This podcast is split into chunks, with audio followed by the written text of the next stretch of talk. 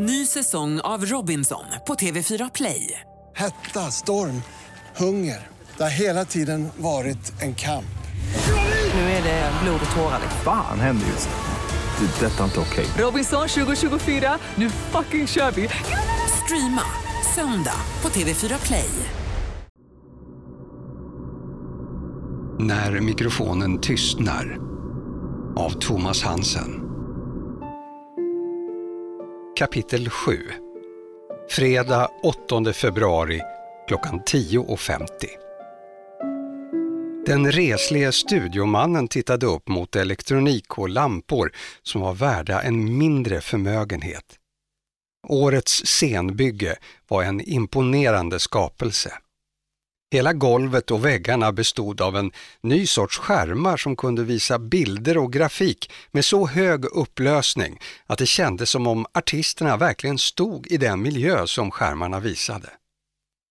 Var det något som TV satsade extra på så var det festivalen. De 13 kamerorna var bemannade. Ljudtekniker gjorde ett schema över vilka mikrofoner de skulle använda var och producenten och bildproducenten satt i en stor teknikbuss utanför arenans vägg och förberedde sig för nästa nummer. Än så länge var det bara repetitioner, allt annat än glamorösa uppträdanden. Artisterna hade inte sina scenkläder på sig utan var oftast klädda i jeans och tröja. De dansade omkring med plastbrickor runt halsen, identitetshandlingar som särskilt för de mindre kända nykomlingarna var en garanti för att inte bli utslängda av vakterna. Studiomannen försökte sucka tyst för att journalisterna omkring honom inte skulle upptäcka det och vädra problem. Det var inte första gången under hans många år som någon ville tvinga fram ett byte av reptid i sista stund. Det var ren och skär tur att nästa repetition gick att tidigare lägga för att artisten redan befann sig i arenan och var en av de mest rutinerade i branschen. Dessutom utan ett helt entourage i släp och utan specialeffekter som var tvungna att sekundsynkas av en hel teknikerstab. Det var betydligt enklare än Alicia Nordsten-numret som skulle vara svårt att repa utan artisten själv på plats. Hon skulle bjuda på en tekniskt avancerad show där hon måste stå på exakt rätt ställe och vrida på huvudet vid precis rätt tillfälle för att allting skulle bli rätt på monitorerna. Torsdagsrepet hade blottat flera brister och det var viktigt att se till att allt var ordnat. Det här var sista möjligheten att fixa det mest grundläggande innan det utsålda publikgenrepet på fredagskvällen. Visst skulle de göra TV i första hand, men det vore inte kul att göra bort sig inför så mycket folk, så allt måste sitta. Särskilt med tanke på att det annars alltid ledde till kvällstidningsartiklar om kaos under repetitionen och hur delfinalen var hotad. Med tio minuter kvar till den framflyttade reptiden såg studiomannen i ögonvrån hur managern Karl Nordsten böjde sig halvvägs ner mot golvet och skrek något i sin mobiltelefon. Det bådade inte gott. Samtidigt slocknade en ljusrigg på andra sidan av scenen vid ett tillfälle då den borde lysa som mest, vilket drog åt sig all uppmärksamhet. Bryt! ropade studiomannen i sin mikrofon och en sekund senare tystnade musiken och operatören av den höga kamerakranen stannade upp i sin rörelse. Den rutinerade slagräven på scenen gav honom ett leende och satte sig ner på en högtalare i väntan på att den tekniska personalen skulle göra vad som krävdes innan numret skulle börja om från den första takten igen. När studiomannen vände sig om igen såg han inte längre Karl Nordsten. Utanför arenan stod en minut senare en skivbolagsdirektör med en tjock jacka och brummande röst och frågade den hysteriske managern vad han egentligen menade med att Alicia var försvunnen. Någonstans måste hon ju vara och det är ditt förbannade jobb att hålla reda på var. Det är det enda du behöver göra. Kroppsspråket var allt annat än behärskat. De viftade hela tiden åt varandra och deras utandningar förvandlades till ånga i den kyliga luften.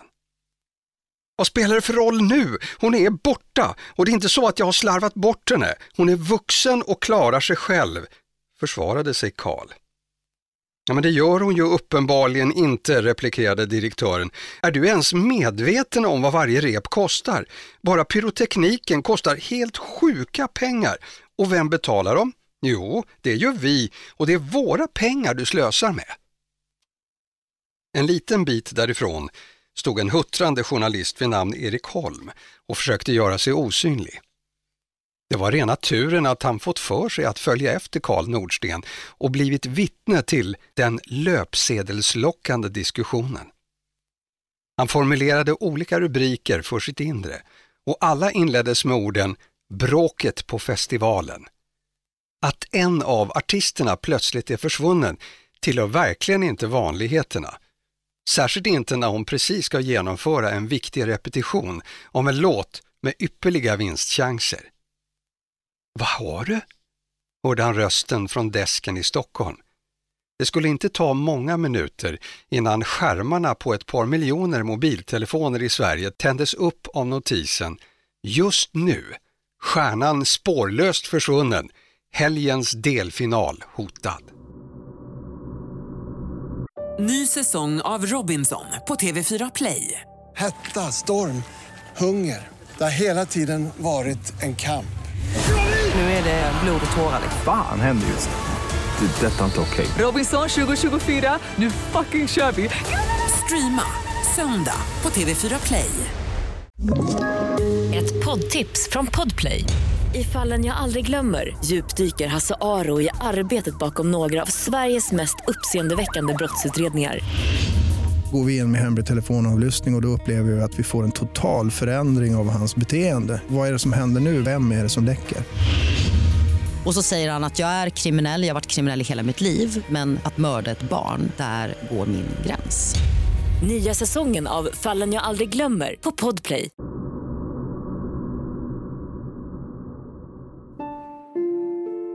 Kapitel 8 Fredag 8 februari 11.00 Roger Olsson klev in på Sandras rum morgon, och mumlade något som en välvilligt inställd person skulle kunna tolka som en morgonhälsning. God morgon på dig också, svarade Sandra på ett för henne ovanligt glatt sätt. Rogers ena kind var betydligt större än den brukade.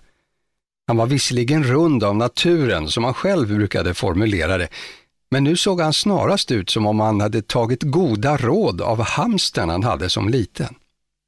Sannolikt var det i Rogers fall inte frön och fruktbitar som han hade hittat förvaringsutrymme för i den högra delen av munnen. Sandra funderade på att fråga om han hade fått dra ut flera visdomständer på en gång eller kanske fått tandställning på gamla dagar.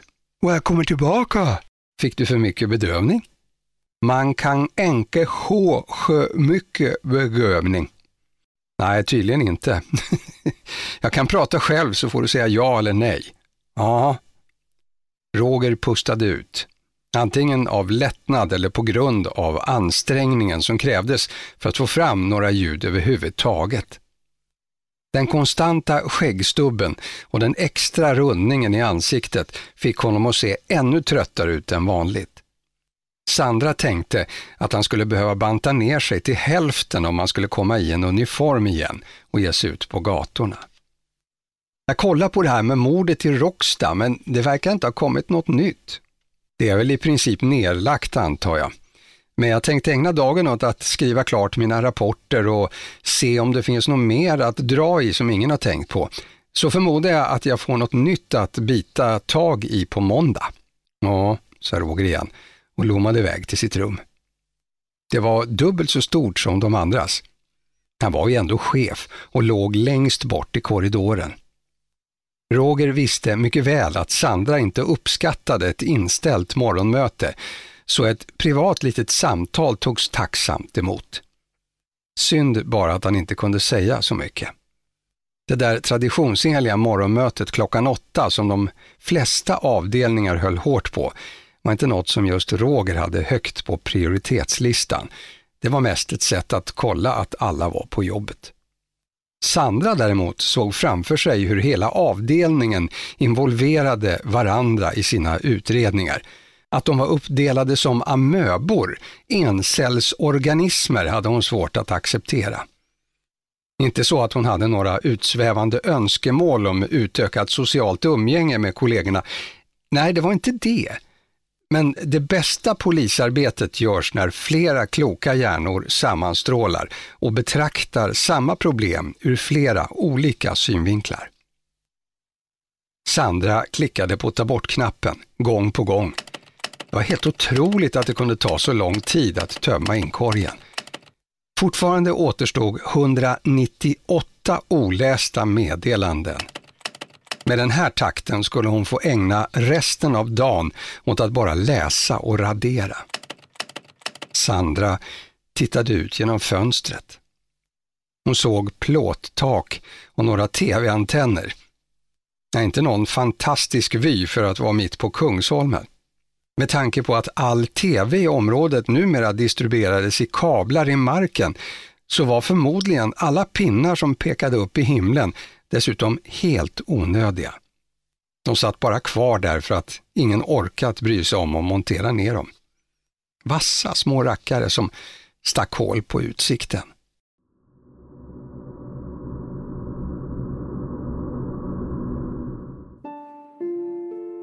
Kapitel 9 Fredag 8 februari klockan 11.10 På hotellrummet i Växjö hade Robin Eriksson till slut fått på sig sina kalsonger och byxor.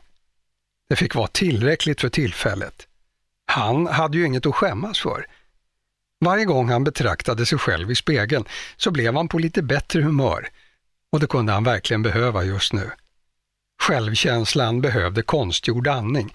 Han kände sig ensam, övergiven och rädd och bakfyllan hjälpte inte till. Han ringde Alicia tio gånger men hamnade hos mobilsvaret varje gång. Hej, du har kommit till Alicia Nordstens telefon. Därefter stoppade han telefonen i fickan och rusade ut ur hotellrummet utan nyckelkortet som skulle kunna släppa in honom igen. Han gled graciöst som en svävare ner för de mjuka, breda trappstegen som tog honom till foajén och receptionen. Det var inte bara personalen som kände igen den unge mannen i bar överkropp och nakna fötter som kom vilset småjoggande mot den stängda frukostmatsalen. Snart var tre journalister framme hos honom för att fråga vad det var som var på gång och om han visste var Alicia befann sig. Det var tydligen allmänt känt att hon var borta. Märkligt tyckte Robin, han hade ju själv inte upptäckt det förrän alldeles nyss. Ja, jag vet fan ingenting. Hon bara försvann utan att säga någonting. Hon bara drog. Sjukt jävla konstigt. Hon måste ha blivit kidnappad eller något. Hon skulle aldrig bara dra. Sa hon inte vart hon skulle? frågade en reporter med en livesändande mobiltelefon i den ena handen och en mikrofon i den andra. Nej, alltså, jag vet inte. Jag sov ju, svarade Robin först argt och sen tveksamt plötsligt medveten om att det var han som stod i rampljuset. Varför han stod och pratade med reportrar från flera olika medier om att han inte kunde hitta sin flickvän kunde han inte riktigt begripa. Men när de nu stod och lyssnade var det väl bäst att säga som det var, så att de kunde hjälpa till att hitta Alicia. Kanske bäst att bre på lite extra också, så att de fattade att det var allvar. Ja, men vi älskar ju varandra. Hon skulle ju aldrig dra iväg frivilligt utan att jag följde med. Eh, kanske blev jag drogad, för annars hade jag ju försvarat henne liksom. Brukar du behöva försvara henne? frågade en reporter. Ja, alltså jag får ju göra vad som krävs av situationen och jag kan lätt ta vem som helst. Robin kände hur blodet rann till. Han såg att han blev filmad och spände musklerna lite extra. Han skulle få vara med i TV. Det snurrade i huvudet. Det var svårt att hålla ordning på allt som hände just nu. Han kom på sig själv med att önska att hans pappa var där. Han behövde någon som, som han inte måste spela kax inför. Någon som brydde sig om honom ändå. Tänk om Alicia bara kunde kliva in på hotellet nu direkt och ta över fokuset. Sånt som hon brukade göra så sjukt bra. Han, han saknade henne verkligen. Men hur går det med festivalen på lördag om Alicia är borta? undrade en annan reporter. Robin tänkte, fast kanske inte så mycket. Ja, jag vet inte. Jag får snacka med TV och, och, se vad de kan göra. Kanske är det bättre att Alicia är med nästa vecka istället. Vi, vi får väl se. Har du inte pratat med henne alls under morgonen? undrade ytterligare en videoreporter som anslutit till skaran. Nej, hon svarar inte på telefonen. Det är sjukt konstigt alltså, sa Robin med en upprörd suck innan en kvinna med svart kavaj och färgglatt nyckelband runt halsen klev fram och satte stopp för samtalet precis när en reporter ställde en fråga om vilka droger som hade förekommit på den kommunala festen. Ja, det har inte hänt någonting anmärkningsvärt alls som vi känner till. Vi håller på att repetera ute på arenan och allt går som det är tänkt. Vi har vår vanliga pressträff i eftermiddag, så vi tar alla frågor då, sa kvinnan myndigt, men utan att lyckas tysta journalisterna. Den barbröstade kickboxaren var redan på väg tillbaka till rummet för att hitta sina ytterkläder, plötsligt övertygad om vad han måste göra. Det surrade hysteriskt i hans huvud och kroppen fylldes av hormoner som nära nog fick honom att skaka. Hans väl inövade tanke om att gå till attack pockade på hans uppmärksamhet. Han skulle vidare till arenan för att styra upp det här och framförallt leta rätt på Alicia, tänkte han intensivt. Det skulle istället ta honom en god stund att förklara för hotellpersonalen varför han skulle släppas in i ett rum som inte stod i hans namn och dit han inte hade något nyckelkort.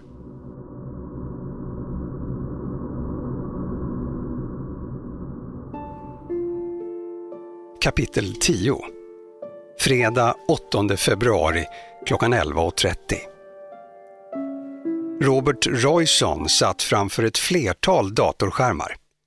En visade direktbilder från övervakningskameror. På en annan lyste små cirklar på en karta över sydöstra delen av Sverige. Som vakthavande befäl vid Kalmarpolisen var han ansvarig för de akuta polisinsatserna, även i Växjö, tio mil bort, som förlorat sin egen sambandscentral vid en omorganisation. Han var dessutom förtjust i festivalen. Och inte bara för egen del. Den nioåriga dottern var eld och lågor över att få följa med sin pappa på genrepet i Växjö på lördagens eftermiddag. Hon var visserligen ledsen över att alla artister som var med förra året inte var med den här gången, men hon var säker på att hitta nya favoriter. Efter föreställningen skulle de äta hamburgare, eller pizza, och sen skulle de åka hem till Kalmar och komma fram precis i lagom tid för att se direktsändningen på tv på kvällen. Vilken fantastisk dag de skulle få. Bekymmersrynkan i pannan väckade sig omedelbart när han såg rubriken på sin telefons skärm. Segertippade stjärnan befaras kidnappad, stod det. Han hade hört mer dramatiska nyheter än så, utan att det fanns någon särskild anledning att oroa sig eller ta journalistiken på allvar. Men han kände genast på sig att detta kunde bli jobbigt för honom. Ett par svettpärlor dök upp i pannan strax under hårfästet. Han hade lätt för att svettas på huvudet. Ingen anmälan om försvinnande eller kidnappning hade inkommit och patrullen som fanns på plats vid Vida Arena i Växjö hade inte hört av sig. Den var mest där för att markera närvaro. Men för säkerhets skull ville han kolla om de två poliserna hade hört någonting om ett försvinnande. Svaret var nej. Patrullen befann sig förvisso vid arenan, eller åtminstone väldigt nära, möjligen på andra sidan vägen vid en hamburgerrestaurang. Men de hade inte uppfattat några ordningsproblem eller andra konstigheter. Robert uppmanade dem att undersöka ryktena med vaktbolagen som skötte säkerheten åt arenan och tv-bolaget. Poliserna svalde och lovade återkomma så fort de visste någonting mer. I samma stund kom det första samtalet från en av kvällstidningarna. Robert svarade sanningsenligt att det inte fanns något polisärende om det eventuella försvinnandet och fick sen förtydliga tre gånger att det inte fanns några ytterligare kommentarer att göra i ärendet eftersom ärendet inte existerade. Robert Royson hade varit med ett tag. Han visste av erfarenhet att försvinnandet nästan alltid var frivilliga och att de eh, försvunna oftast kom tillbaka av sig själva innan de ens hade hunnit bli ordentligt eftersökta. Det var lätt att föreställa sig att en ung artist med enorma förväntningar på sig kunde vilja dra sig undan en stund för att lugna nerverna. Eller kanske till och med få några extra rubriker och sitt relativt okända namn exponerat. I så fall hade hon misslyckats. Hennes namn var uppenbarligen inte tillräckligt spännande utan hade ersatts av Stjärnan. Han hade sett ett klipp från repetitionerna på Facebook och han tyckte faktiskt att hon såg ut som en stjärna. Hela hon gnistrade. Strålkastarna blinkade epileptiskt. Alltihop kändes som ett magnifikt disco. Inte för att Robert var någon expert, men han kände på sig att den här tjejen stod inför sitt stora genombrott. Och kanske skulle hon vinna alltihop. Banka ner en milstolpe i myllan och bli en ny Carola. Hon skulle säkert dyka upp från sitt mystiska försvinnande, ställa sig på scenen och slå alla med häpnad. Han kände det på sig. Det måste vara polisintuition.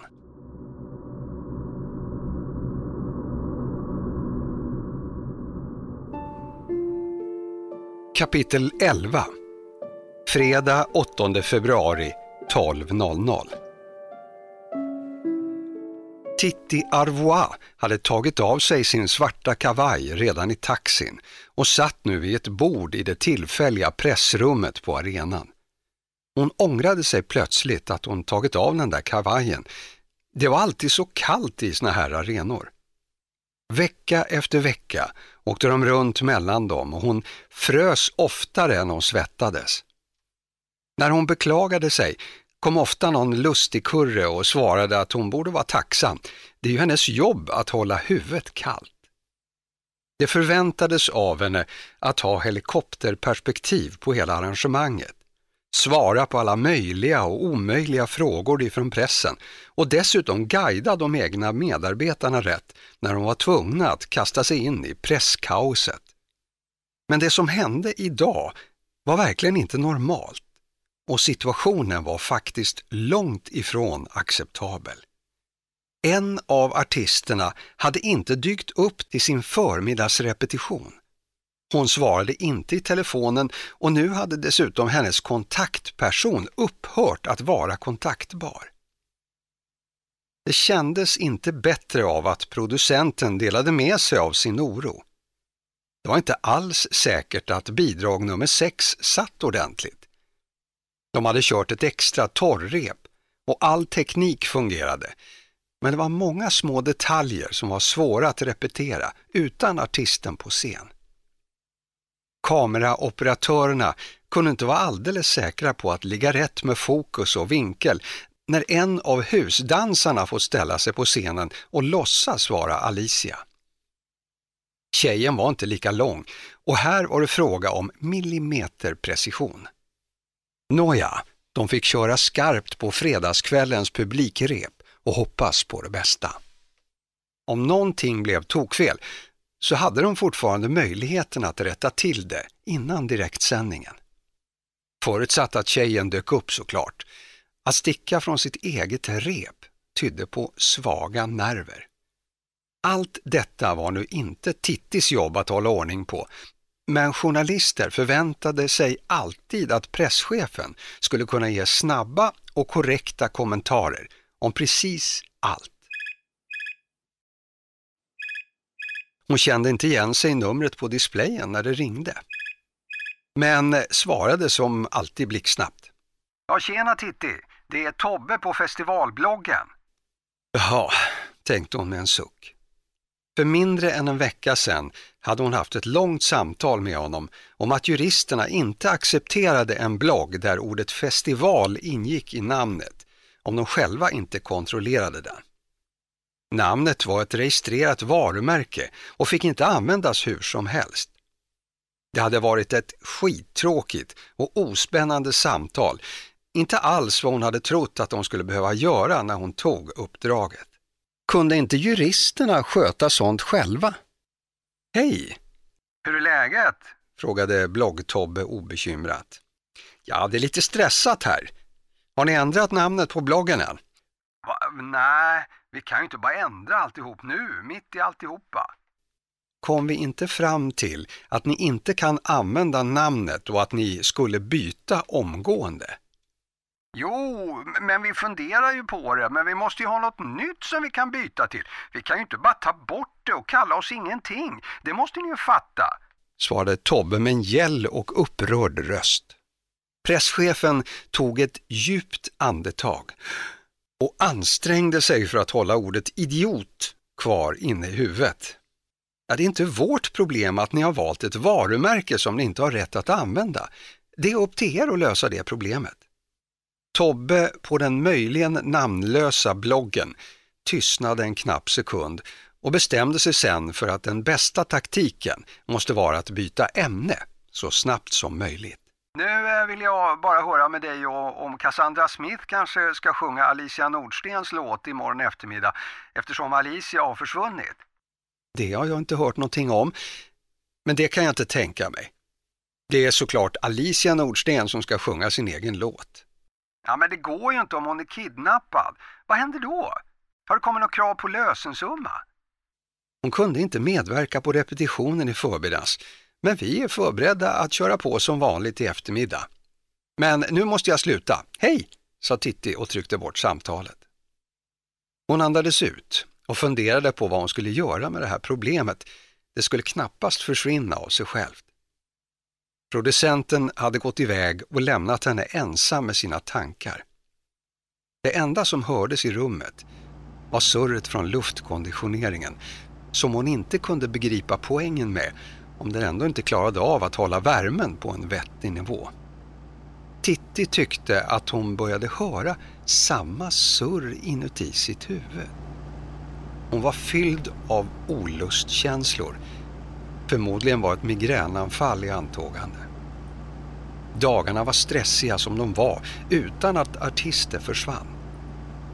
Alicia Nordsten måste hittas och avkrävas en förklaring ytterst skyndsamt.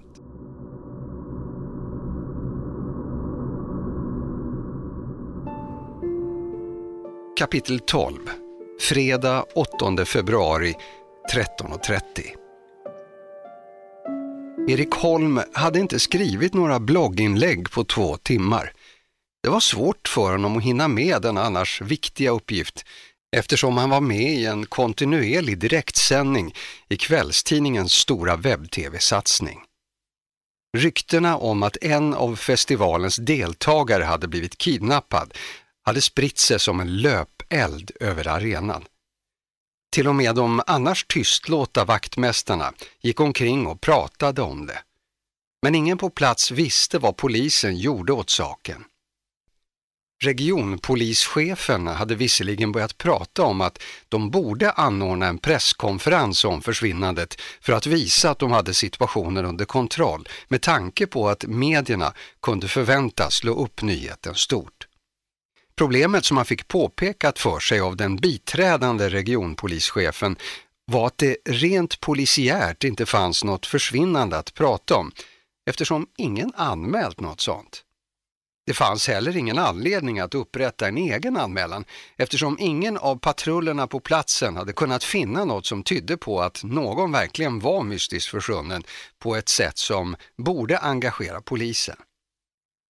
Än så länge kunde man inte hantera saken som något annat än ett obekräftat rykte. För visserligen var det en person som sades vara frånvarande, men som en av de ditsända polisaspiranterna torrt konstaterat det är väldigt många som inte är här.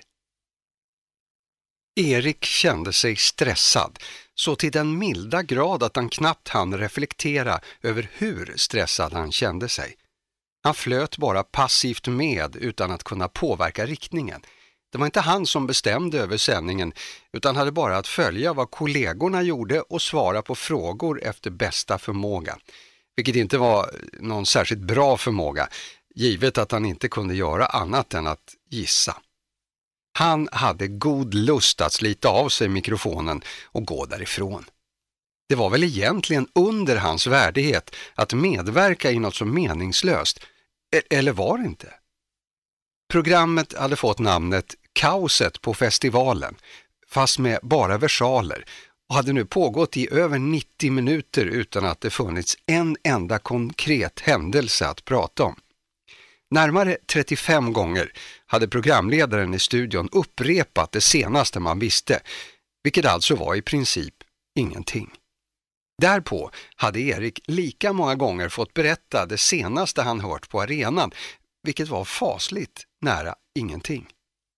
Det fanns tursamt nog några lösryckta ord som magiskt kunde förvandlas till uppgifter från initierade källor. Så Erik kunde bland annat berätta att mängder av poliser, åtminstone mer än en, var på plats och letade överallt efter Alicia. Mycket tydde på att man letade på arenans tak, i hemliga gångar under arenan och förstås på alla ställen däremellan. Till sin hjälp hade man eventuellt hundar. Fler poliser kunde kopplas in i jakten. Inget av detta hade kunnat bekräftas av polisen om någon hade frågat. Den bild som reportrarna försökte sprida stämde väldigt dåligt överens med vad som egentligen försiggick på arenan. Visst fanns där polispatruller, men ingen av dem var engagerade i något mer än att övervaka den allmänna ordningen, vilken var tämligen god. Några städpatruller gick omkring med sina vagnar och bytte ut de svarta plastpåsarna i papperskorgarna. Låg musik spelades i högtalarna och utöver det så hördes bara enstaka klackar mot golvet. Ja, plus de tillgjort uppjagade rösterna från reportrarna som sände direkt. Den mest spridda spekulationen rörde Alicia Nordstens pojkvän. Han sades ha varit den senaste som hade sett henne. Han kunde inte redogöra för sina handlingar men bedyrade samtidigt att han inte hade en aning om vad som hade hänt. Det verkade ytterst misstänkt, menade kommentatorerna. Det ska i sammanhanget noteras att dessa förmodanden kom från personer som i vanliga fall svarar på frågor om olika låtars chanser hos internationella jurygrupper. Det var inte precis Leif GW Persson som uttalade sig. Flera medier publicerade såväl stillbilder som rörliga bilder på pojkvännen Robin där han struttade runt på hotellet i bar överkropp och pekade åt en den ena än den andra personen som man ville avkräva svar om var Alicia befann sig. Här bryter pojkvännen samman, kallade den ena kvällstidningen sin video. Här visar pojkvännen upp sin superkropp, hette den andras film.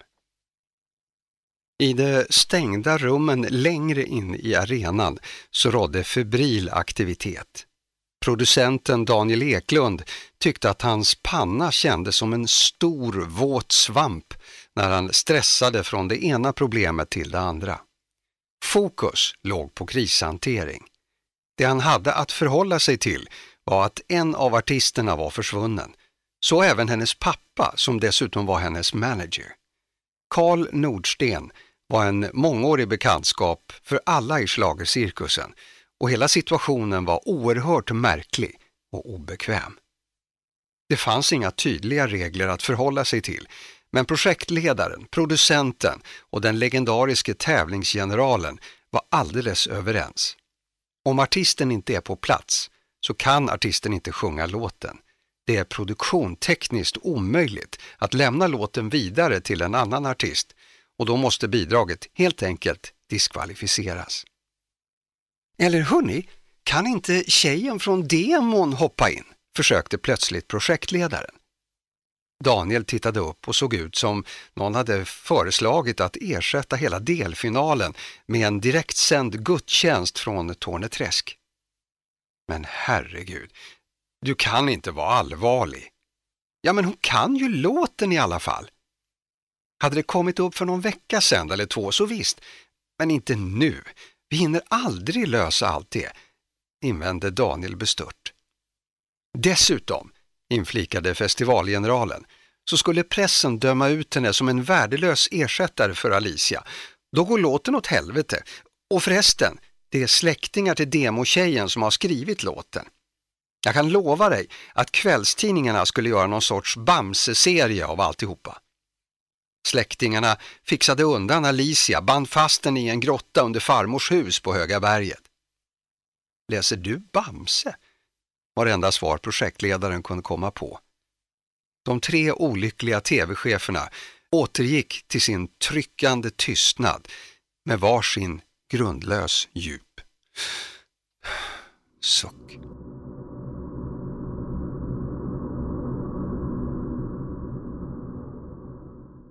Ny säsong av Robinson på TV4 Play.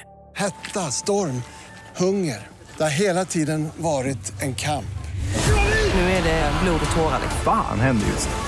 Det. är Detta är inte okej. Robinson 2024, nu fucking kör vi! Streama söndag på TV4 Play.